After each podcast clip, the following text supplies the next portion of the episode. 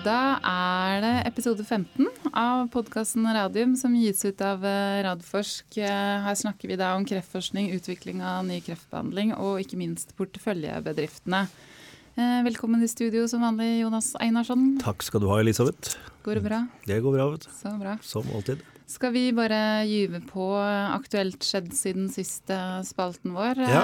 Eh, Skal vi begynne med Targovax, hatt kvartalsrapportering? Targovax har hatt eh, kvartalsrapportering. Eh, Responsen på det er vel at det var som forventet. Det er jo egentlig en finansiell oppdatering. Og hadde brukt litt mindre penger enn det man hadde forutsett. Til tross for stor aktivitet, så det var som forventa. Ja.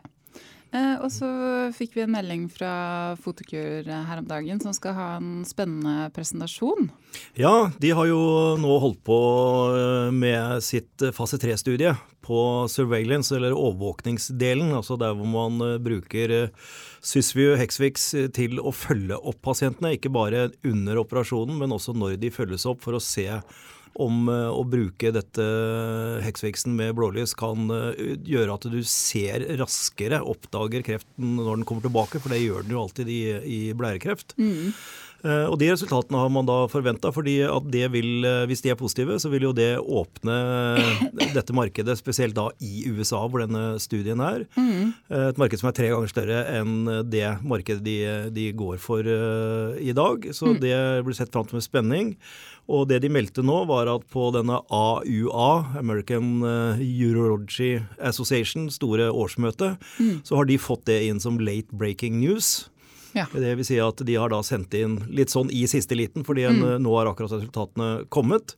Eh, og de har fått eh, ikke bare poster abstract, men de har fått eh, en, en muntlig presentasjon i hovedsalen. Og, så det, Det er tyder vel på faktisk. Ja, det er, det er stort. Så det, Ja, tyder på det at dette er det- spennende data. ja, jeg tror ikke de ville fått det med dårlig data, for å si det Nei, sånn. Men det ser vi fram til spenning. Det er vel i er det ikke det? Juni. Ja, jeg tror Ja. også det er juni. Ja, og så var det en god nyhet eh, sen. Unnskyld, det er eh, 12. til 14. mai. Det er 12. til 14. mai, ja. ja. ja. Er veldig snart, med andre ord. Eh, og så var det en veldig hyggelig nyhet fra Oslo universitetssykehus. Som har da blitt et sånn comprehensive cancer center. Kan ikke du si litt om hva det egentlig innebærer? Jo, det er faktisk fantastiske nyheter for hele miljøet vårt. Eh, og Radforsk har, eh, og Oslo Cancer Cluster har fått lov til å være med å møte denne komiteen og legge frem det vi har bygd opp rundt uh, Mm. For å vise at vi også. Hvilken satser komité? på den, den, den komiteen er en europeisk komité Mm. som eh, utpeker eh, visse sykehus. Og det er, dette blir vel OS sin kreftklinikk blir nå det 16. Ja. i Europa som får denne statusen.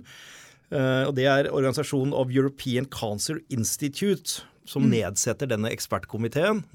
Og det er et eh, veldig grundig vurdering og, og gjennomgang, og er et veldig strangt nåløye å komme gjennom.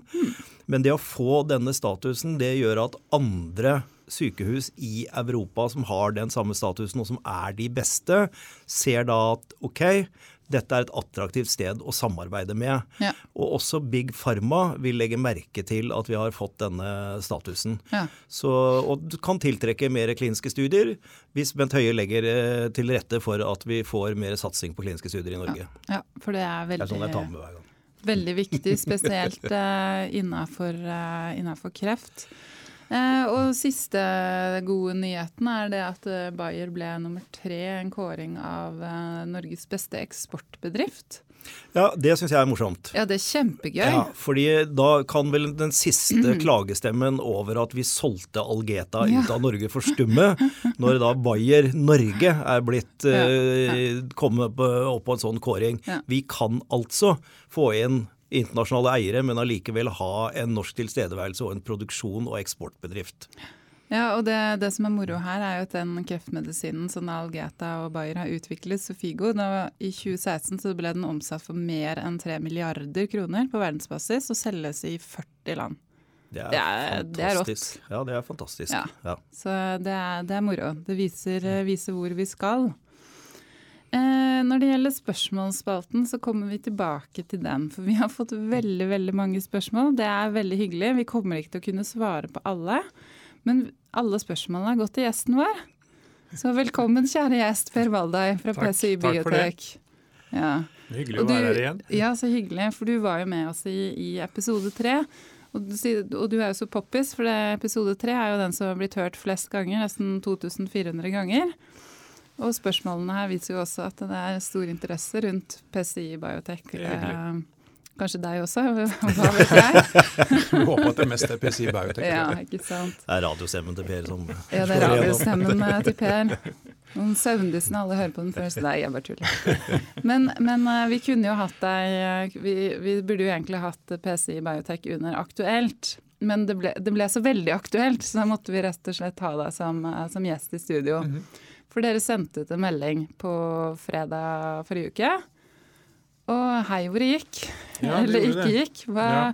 Men si først litt, hva presenterte dere? For dette her var på et av, av produktene deres, Fimakem, som da er en fase 1, Mm, gallegangskreft. Det stemmer. Ja. Det er en, eh, Fimakem har vært igjennom en fase 1-studie uh, innenfor gallegangskreft som eh, vi har presentert en del tumorresponsdata fra tidligere. Mm, Eh, og nå syns vi at eh, survival-dataene var blitt så modne at nå kunne vi begynne å si Ja. noe om dem også. survival, overlevelse. Overlevelsesdata, Ja. unnskyld. Mm. Ja.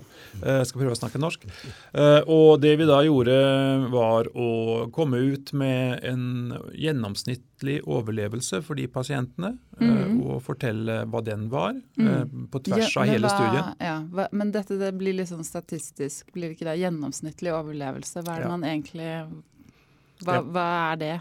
Det er eh, gjennomsnittet av antall måneder pasientene som har vært i studien, har levd, Mm. inkludert de pasientene som fremdeles er i live. Ja, Eh, skjønner. og det ble da 14,5 måned for denne, for denne studien per slutten av mars. Og da er 25% av pasientene fremdeles i live. Mm. Og det var det vi meldte, og egentlig en helt uh, ukomplisert melding. Mm. Uh, men uh, det var Men den ble tatt eh, litt komplisert opp på børsen, i hvert fall. Tydeligvis. Ja. tydeligvis. Eh, og vi har vel lært noe av det også, som vi skal prøve å forbedre oss på fremover. Ja. For det her ble vel misforstått, rett og slett. Det, jeg antar at det ble misforstått, eh, uten at jeg helt klarer å skjønne hva det er som Ja, det ble faktisk misforstått av noen journalister. eh, Ja. Noen journalister som skrev eh, noe veldig rart rundt dette. Skjønner. eh, og som jeg tror ble korrigert etter hvert. Mm. Eh, også takket være Jonas, tror jeg, som eh, Ja, Som slang seg på som slang seg telefonen. Jeg på. slang meg på telefonen til, eh, til eh, Hegnar Online, der hvor jeg så det. Fordi eh, de skrev bare en eh, kort melding at selskapet hadde meldt at 25% av pasientene var i live etter 14,5 måneder. ja, altså at ble helt feil. 75 skulle være døde. Og det var jo bare totalt feil. Men, men i og med at folk misforsto dette, kan du ikke prøve å forklare litt hva disse dataene faktisk viser, da? Mm. Mm. Det, vi, vi har prøvd å sette det litt i kontekst i den meldingen, der vi også forteller om lignende pasienter og hva Mm. slags overlevelse man normalt ser på lignende pasienter. Mm. Det som er litt av problemet for oss, er jo at for det første så er dette veldig tidlig, Mm. og overlevelse er et endepunkt som ikke er direkte Altså Det er et veldig indirekte endepunkt, kan man Mm. si. Eh, overlevelse er ikke bare om medisinen har virket, men den er det har betydning på helsetilstanden generelt Mm. til pasienter. Og om en pasient f.eks. skulle være i en trafikkulykke og dø av det, så er det også en del av overlevelsesdataene. Ja, for da blir det rapportert, blir det inn rapportert studien. inn som, Som eh, død. død. Selvfølgelig, for det er Ja. det det er. Ja. Så man rapporterer all type overlevelse. Ja. Eh, Så det er jo ikke noen direkte korrelasjon mellom at de som eh, eventuelt eh, responderer på behandlingen, er de som absolutt lever lengst. Nei. Hvis man ser på eh, sånne plott som man ofte lager etter man ser på overlevelse, det kalles for Kaplan-Meyer-plott, Mm. så ser man at man ofte, ofte med sånn tradisjonell behandling så forskyver man hele kurven til høyre Ja. eh, et stykke til høyre. og Det betyr at alle pasienter lever noe lenger, i, en, forenklet sagt. da. Mm. Eh, Sånn at de som kanskje ville ha levd tre måneder, kanskje lever fem måneder, og de som ville ha levd ti, kanskje lever 13 osv. så sant. Og da får du en forskyvning utover. Eh, Og, og, og det på et så lite pasientgrunnlag som 16 pasienter begynner å snakke om hvilke pasienter og dele inn dette her i færre subgrupper. Det- sånn. det det er altfor små tall. Ja. Uh, så, men det er, det, det er 14,5 måned. eh, Det er lenge, da. Uh, Og det er relativt lenge i forhold til mm. det som er sett med de populasjonene som vi har eh, sammenlignet oss med. Mm. Men som vi da tar et forbehold på at uh, siden dette er en sjelden kreftform, så er Mm. mange av de publikasjonene de omfatter ikke bare våre pasienter, men også andre typer pasienter, Mm. som galleblærekreft og det Ja, som heter ampulær eh, kreft osv. Skjønner. Og derfor Da så er det litt komplisert. det blir litt komplisert. Ja. Eh, Så vi, vi, vi, vi ønsker jo ikke å Det er tidlig. Mm. Det er ingenting som er alarmerende negativt. Nei. Det ser positivt ut Ja. eh, og er oppløftende. Men som, igjen, det er en, en tidlig fase. Det er bare 16 pasienter. Mm. Det, jeg kan sammenligne dette litt med når vi rapporterte toårsoverlevelsen eh, for Targovax eh, tidligere i, eh, i år. Eh, og det selskapet der konkluderte med, eh, etter å ha rapportert at så og så mange var i live av så og så mange etter to år, eh, var også etter å ha snakket, og det gjør jo selskapene alltid, med disse som er de som driver studien. Ja. Sånn at de ikke sier noe som ikke utprøverne kan gå stå inne for. Ja. Og da konkluderte man at vi kunne si at det var oppmuntrende Ja. resultater. Det vil si at det kunne gått veldig mye verre. Ja. Altså alle kunne vært døde, da hadde du hatt problemer. Men, men tallene er sånn at det er oppmuntrende tall. Og så må vi se hvordan det utvikler seg videre. og Jeg Mm. føler som at det er mer der PCI er nå. Si at dette, dette kunne vist at det ikke funka, men det ser ut som vi har en viss effekt her. Ja. Ja, det er opp, oppmuntrende er et eh, godt ord å bruke, egentlig. Ja, ja. Og det vi vel har lært av dette her, er at uh, disse tingene er kanskje ikke så enkle å tolke alltid sånn som vi tror, Uh, og at vi alltid bør ha med, når det gjelder denne type data, en vurdering fra selskapet. Det vi Ja, det setter det, tror litt i kontekst. Ja. Så det lærte vi vel litt smertelig kanskje nå på, Ja. på fredag, og det skal vi ta med oss videre. Ja. Men man lærer av sine feil, er det ikke Ja, ja. det man gjør? Jo da, vi pleier å ha med en, en vurdering, og Ja. jeg vet ikke helt hvorfor vi ikke hadde denne gangen. skal jeg være helt ærlig. Nei. Vi syns vel, vi syns vel kanskje at Dette dataene snakket for seg snakket for seg selv, Ja. men uh, her viser det seg hvor feil man kan ta. Ja, så det, det blir ekstra Dere sender jo ut meldinger på engelsk, ikke sant? Og Det det, er komplisert fagfelt, det er komplisert statistikk, Ja, ikke minst. Ja. Kliniske studier i seg selv er jo kompliserte. ja. Fase 1 handler jo om å teste ut sikkerhet, at man Mm. ikke får noen alvorlige bivirkninger av, av medisinen. Mm. Så egentlig effekt er jo ikke noe man egentlig ser på i en fase 1 heller. Nei, det er helt riktig. Dette er jo primært en safety-studie, som Mm. heter en sikkerhetsstudie. Mm. Så det at man faktisk i en sånn eh, safety-studie får oppmuntrende Mm. efficacy-resultater, det er i seg selv veldig positivt. Ja, det er jo bonus. Ja. Eh, ja, men da tror jeg faktisk Vi har fått inn så mange spørsmål, så vi, for å ikke bli sittende her i dag, så tror jeg vi bare begynner på spørsmålene. Uh, og det første er om dere har sendt inn en prime-søknad. Og hvis ja, når forventer dere svar? Og hvis nei, når skal det søkes? Ja, Ifølge Jonas så har vi jo gjort det, har jeg hørt. Men, Jeg har retta opp det.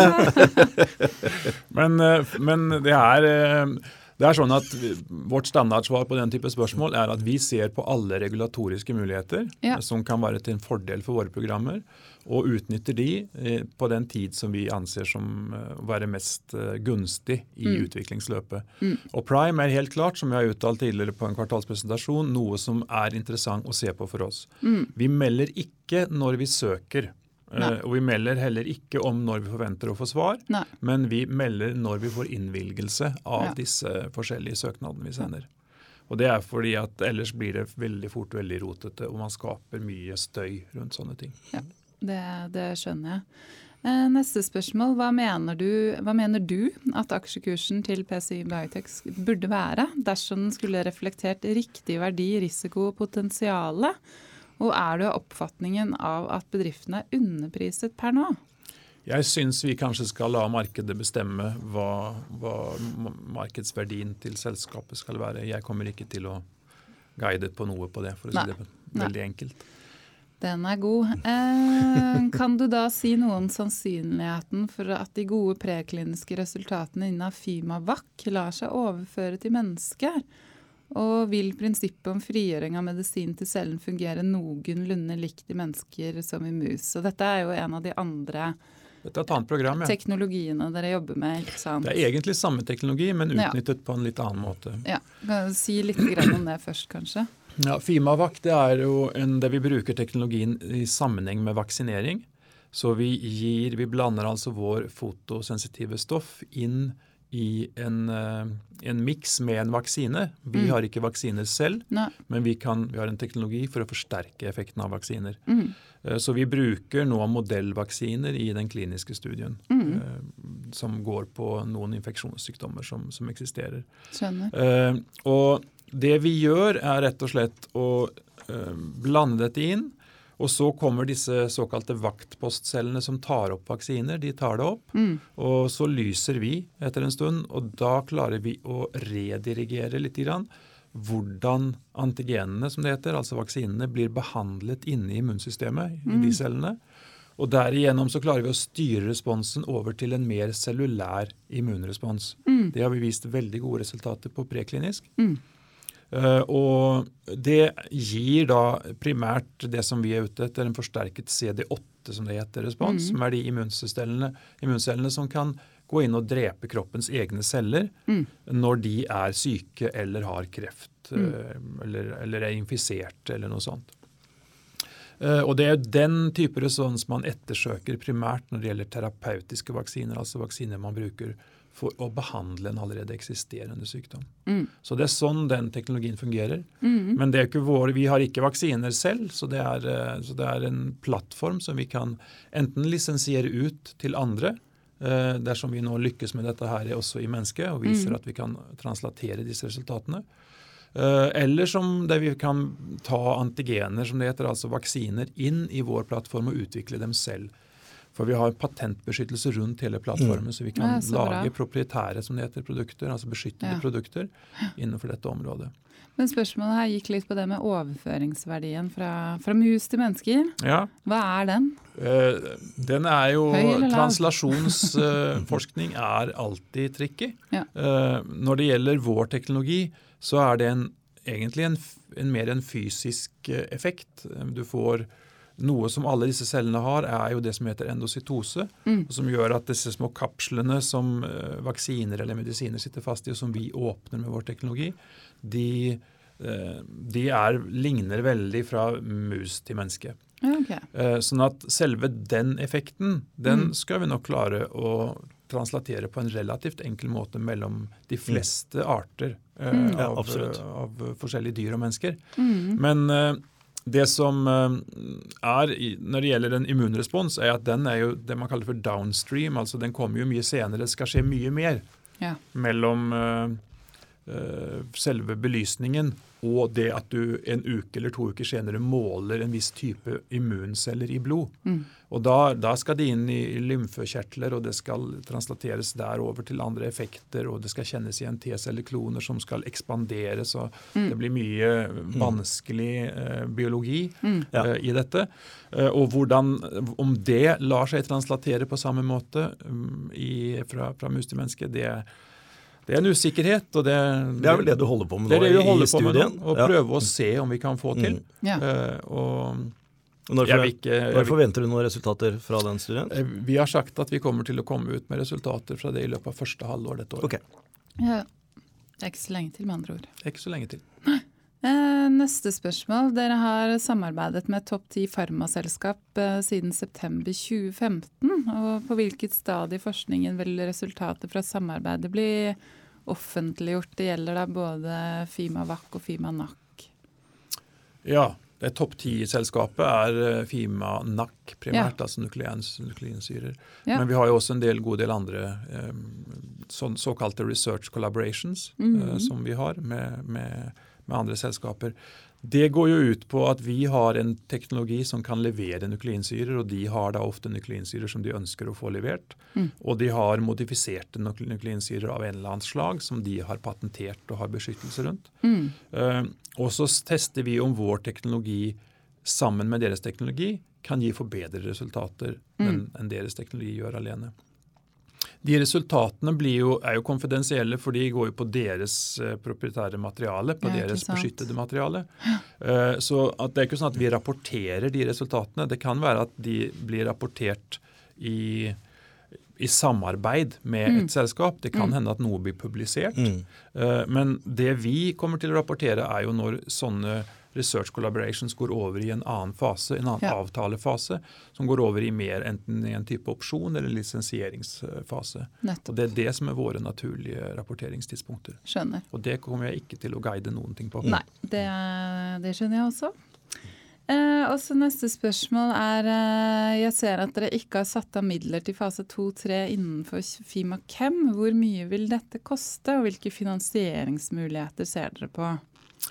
Ja, det er jo det. Vi er jo nå i interaksjoner med de regulatoriske myndighetene for å prøve å bli enige med dem om hva som skal til for å kunne få dette her markedsført, for å Ja. få en godkjenning. Mm -hmm. uh, og uh, det, det er jo den avtalen som vil bestemme hvor stor en sånn studie uh, må være. Mm. Det er de som vil legge premissene for det, Mm. og som vi prøver å forhandle med dem for å få dem så Ja. fornuftige som mulig. Eh, og når vi har de dataene på plass, så kan vi si noe om hvor lang tid det vil ta, Ja. og hvor mye, hvor mye det vil koste. Men Ja. det vil ikke jeg si noe om før Nei, det vi skjønner har jeg. For det, dette vil være avhengig av antall pasienter som dere må teste ut på. Antall pasienter, krever de en randomisert sites. studie Ja, eller ikke osv. Ja. Og hvilket endepunkt ønsker de. Og, det er mange ting som vil bestemme hvor lang tid og hvor kostbar si, en sånn studie vil være. Ja. Ta det generelle i det, fordi at jeg ser eh, også har sett gjennom spørsmål, og det er mye liksom spørsmål om når, når selskapet venter godkjenning av studiet eh, av den type. Men, men det, er, det er viktig å skille her at det som skjer når du er ferdig og har resultater fra en fase 1-2-studie, så går du til myndighetene så sier du vi har disse resultatene, vi ønsker å gå videre med en utvidet fase, enten det er en fase 2 eller om det er en fase 2B pivotal, eller om det er fase 2 og så fase 3. Og alt dette må du diskutere med myndighetene. Når du er blitt enig med myndighetene om at hvis pasient er så og så mange pasienter, vi setter de og de endepunktene, vi forventer de og de resultatene som skal til for muligens å oppnå en godkjenning, da er du blitt enig med myndighetene om at du kan sende inn en søknad og få en godkjenning til å starte studien. ja. Og det er neste på en måte milepæl i dette. Når selskapet melder om det, så vet vi punkt én hva selskapet skal gjøre. Og så ser vi er det 150 pasienter, eller er det 500 pasienter? Er det en fase 2 BP botal? eller er det en svær randomisert studie? Det forteller meg som investor mye om hva jeg skal mene om potensialet. Ja. Så, så hvordan den studien blir, eller studiene blir seende ut, det er veldig spennende å vite. Men før det kommer, så vet vi ikke det. Nei. Eh, ja, og så er det spørsmål uh, Dere er gjennom fase 1. Først, først og fremst teste sikkerhet. Hva kan gjøres annerledes i en eventuell fase 2-3 for å optimalisere behandlingen og gi økt effekt? Er gjentagende behandling f.eks. en mulighet? Andre ting? Dette går vel på Fimavac, tror jeg. Dette går på Fimakem. Ja, Fimakem. Ja. Unnskyld. Eh, ja, Ja. det er jo som sagt en eh, fase 1-studie er, er jo en safety-studie, men, eller en sikkerhetsstudie.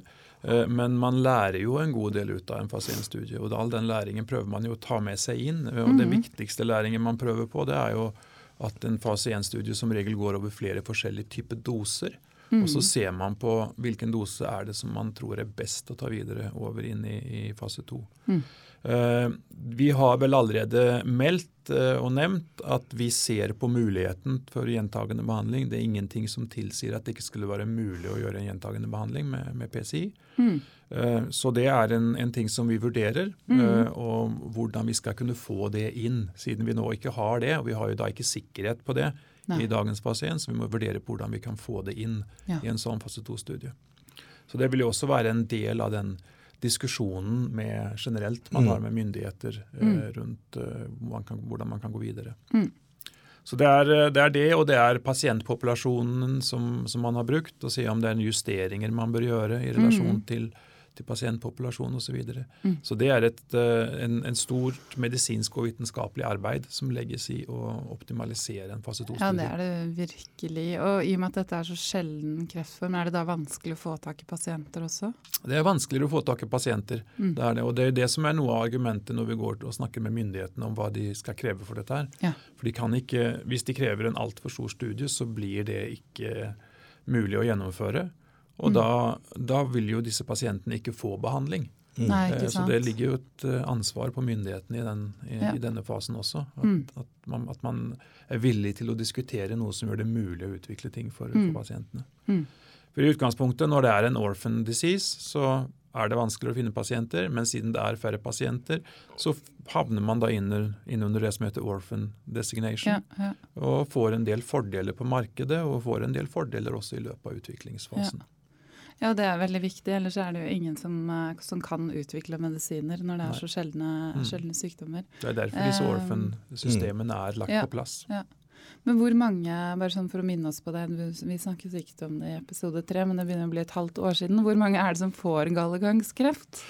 Hvis du ser på, på i Europa og den vestlige verden, Europa og USA, Mm. så er det på tvers av Europa og USA ca. 15 000 pasienter i året. Ja.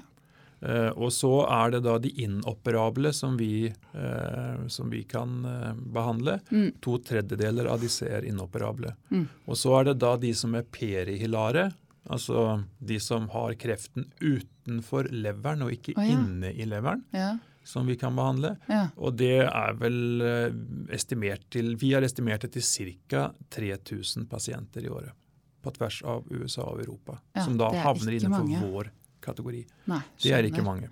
Nei, og når man da skal gjøre en studie på dette, og Mm. liksom finne disse 3000 over da hele Europa og USA, så sier det seg selv at det er ikke så lett. Neida, det er en, eh, det er, men det er ikke noen sånn- umulighet. fordi det er en nokså spesiell sykdom, og Ja. da, da gjør det at det er spesialistsenteret som Ja, behandler dette. her. Ja. Så du trenger ikke å gå ut på de aller minste lokalsykehusene rundt omkring i hele Europa og USA for å Nei. finne disse pasientene. Det gjør Nei. det på de store sentrene. Ja, det, en annen ting der er jo også at eh, for mange studier, spesielt nå innenfor eh, i immunterapi og kombinasjonsterapi, så er det jo stor konkurranse om pasientene Mm. og om stedene. Fordi det er så mange som driver og kjører kliniske studier på det.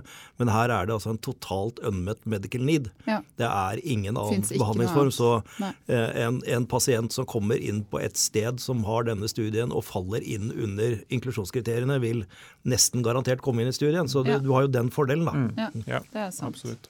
Hva med Asia, da? Asia er et annet interessant område, selvsagt, fordi at Asia har en høyere insidens, som det heter. Altså det er flere som får sykdommen. Så, så det er et område vi ser på. Eh, Men eh, både Japan og Korea er jo interessante markeder. Kina for så vidt også. Mm. Litt mer komplisert, kanskje, eh, på mange måter. Men Japan og Korea og Sør-Korea er jo veldig godt regulert og veldig gode systemer for å kjøre kliniske studier, og, og er vel helt på høyde med FDA og EMEA og sånn regulatorisk. Ja da, det er de. Mm. Det er de absolutt. Var det et hint her, eller, Einarsson? Ja, nei, jeg, bare, jeg, er jo, jeg er jo gravende journalist, så jeg Ja, må jo stille litt spørsmål. Så du er administrerende direktør. Eh, enda et spørsmål. Eh, nylig fått info om pasienter fra fase 1 gallegang. 25 var i live i slutten av mars. Betyr det at det er fire pasienter i live, altså 25 av 16? Det er altså 25 av 16. Det er jo fire ganger fire er 16, så det blir eh, riktig. Det er fire Ja. pasienter. Ja. Ja, det er korrekt. Ja. Og neste, kan du si noe om det er pasienter med PR og eller CR ved avløsning seks måneder som lever? Det ønsker jeg egentlig ikke å gå inn på. Det, det blir veldig eh, spesielt å begynne å analysere ned på enkeltpasienter Ja. på disse tingene. Eh, og som tidligere nevnt, så er en overall survival en, eh, et endepunkt som, som kommer eh, på en måte mye senere ut i løpet, og som Mm. ikke er direkte relatert til tumorrespons. Eh, For det, som sagt, en, en responderende pasient som normalt ville ha levd tre måneder, kanskje lever fem måneder med Ja. behandlingen. Eh, mens ens, eh, en, en, pasient som ikke responderer, som uansett ville ha levd tolv måneder, lever tolv måneder. Mm. Så du kan liksom ikke ja, Du må ha en større populasjon, ja. og så må du måle eh, hvor, om du forskyver den så, såkalte Kaplan-Meyer-plotten, som det heter. Ja. Altså den kurven, overlevelseskurven til høyre eller ikke. Mm. Men å gjøre det på basis av 16 pasienter og begynne å prøve å korrelere direkte enkeltpasienter mellom respons og overlevelse. Nei. Det er dømt å, å, å mislykkes. Så det, eh, eller det er for så vidt ikke dømt å mislykkes, men det er, eh, det er, ikke helt riktig å gjøre, rett og slett. Ja. Så det ville være å, å, å, føre folk litt bak lyset og ja. komme med den type mm. opplysninger. Og prøve å si at her er det en korrelasjon. Ja. Det siste spørsmålet her eh, fra, fra, han som sendte inn dette, er går, går ellers ting etter planen? Veldig bra. Ja. ja, vi har jo tre programmer. Mm. Uh, Fimakem, som vi nå er i regulatoriske interaksjoner, som sagt, for å finne ut hva vi trenger å gjøre for å komme på markedet. Mm.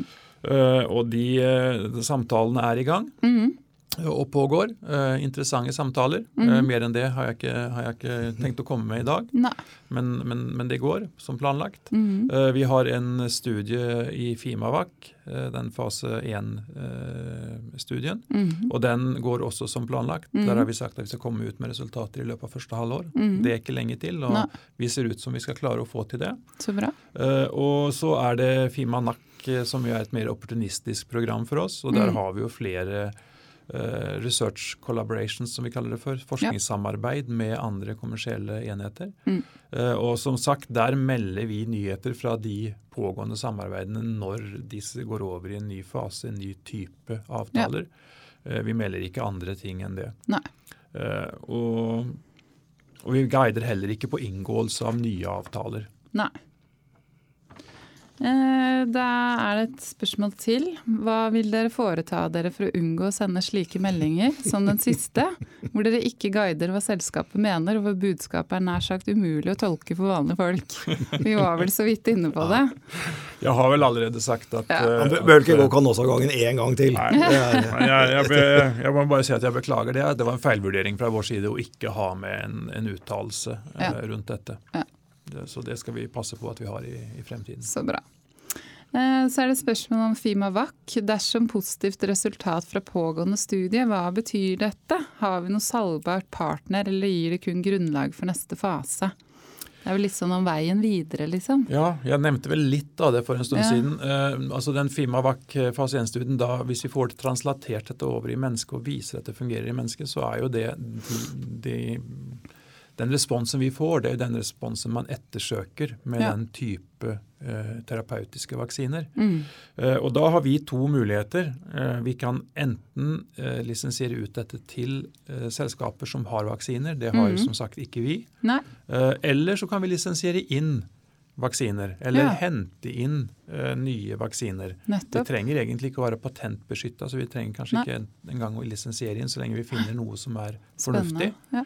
Uh, fordi vi kan putte det i vår plattform, som allerede er eh, patentbeskyttet. Mm. Så vi har begge de to mulighetene, og den vurderingen får vi ta når vi har resultatene ja. og, og, ser hvordan de ser ut, og hvordan den finansielle situasjonen ser ut generelt. Mm. Eh, og så er det også spørsmål om Fimamac, om du kan gi en kort forklaring på hvordan virkemåten er på, på ja, vaksinen. Ja. Mm. Og hvordan immunforsvaret blir styrket, og hvorfor dette er så nytt konsept som ingen andre jobber med. Ja, det er jo ingen andre som gjør dette på akkurat den måten vi gjør det. Eh, jeg har vel, jeg prøvde å forklare det for en, for en stund siden også. ikke mm sant? At dette er disse vaktpostcellene som tar opp vaksiner. Mm. Og det eneste vi gjør i utgangspunktet, er jo å slippe disse vaksinene ut fra de kapslene som de er fanget inni i disse vaksinecellene. Ja. Og derigjennom så, så får vi dem til å bli prosessert på en annen måte mm. i immunsystemet. Mm. Uh, og, og, det er en nokså annerledes teknologi enn det andre bruker. Det er mange andre plattformer og, og adjuvans, som det heter, forsterkende teknologier ja. som brukes, men de går som regel mer på biologiske mekanismer, altså mm. visse sånn, såkalte ligandreseptor. Uh, man har et eller annet som stimulerer en, en mottakermolekyl som induserer en respons. Mm. Mens det her er en rent sånn fysisk eh, dislokasjon, kan man kalle det for, av vaksinen som gjør at den går inn i et annet system Mm. og stimulerer en annen type respons. Og det er den responsen man ønsker. Når vi jobber med terapeutiske vaksiner, Ja. eh, så er jo dette sånne antigener. altså Det er Ja. det som immunforsvaret skal reagere på. Mm. Eh, Enten du bruker terapeutiske vaksiner eller en influensavaksine. Mm. Eh, Og det du ønsker deg, er jo å få en veldig målrettet og god respons Mm. fra immunforsvaret for å lage de cellene som igjen skal enten angripe kreftceller eller virus eller hva det måtte være. Mm. Eh, Og det å bare sette inn antigenet til, eh, hos pasienten i eller under huden, det er ikke godt nok.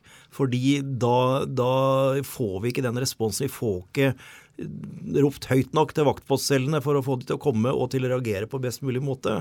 Sånn at det er en utfordring for alle som jobber med dette, å finne den beste måten å gjøre det på. I dag, som Per sier, så bruker vi forskjellige typer adjuvanser. Eh, GMCSF i, i, i peptidvaksinene bl.a., som er en etablert og god plattform. Men hvis de her kan vise at de har noe som gir en enda bedre målrettet og en bedre eh, riktig immunrespons, så er det klart at det vil være spennende for alle som jobber med, med vaksiner. Jeg vil si ikke bare terapeutiske. Fordi vi, vi har jo i, i forebyggende vaksiner, så ligger vi jo på 75% er regnet som en god responsrate. Og hvis dette kan øke den, f.eks. med influensavaksine, så er det klart at det er, er Det er spennende. spennende. Så konseptet med å gi noe i tillegg til selve vaksineproduktet ditt Ja. for å få en god immunrespons, Ja. det er veldig velkjent og har vært brukt i veldig veldig mange år. Mm. Men det har aldri vært gjort på denne måten før. Og da gjenstår det å se om denne måten er bedre enn de vi andre har. måten. Ja. Så bra. Det var, det var alle, alle spørsmålene. Var det greit? Føler du hadde har vært opp til eksamen? Det var vel egentlig ikke alle spørsmålene. Nei, Nei, vi det var har det. Det var eh, vi veldig er- mange spørsmål. Men Vi eh, kunne ikke ta alle, da hadde vi Nei. sittet her. Uh, ja. ja. Nei da, ja, det, det, dette syns jeg er fornuftig. Det er Ja. bra å ha en kanal å kunne snakke ut på. Ja, ikke til, sant. Som, som Men for å folk hører oppsummere, ting går etter planen. Dere sendte ut en melding hvor dere glemte å, å guide, og det skal dere aldri gjøre igjen. Lover du det? Ja, det jeg lover at Vi skal aldri gjøre det når det er en, et, et resultat som kan ha så stor betydning for, å, for, eh, for hvordan man vurderer selskapet. Da tror jeg det ble siste ord. Takk for at du kom i studio. Takk for at dere hadde meg her. Takk for i dag.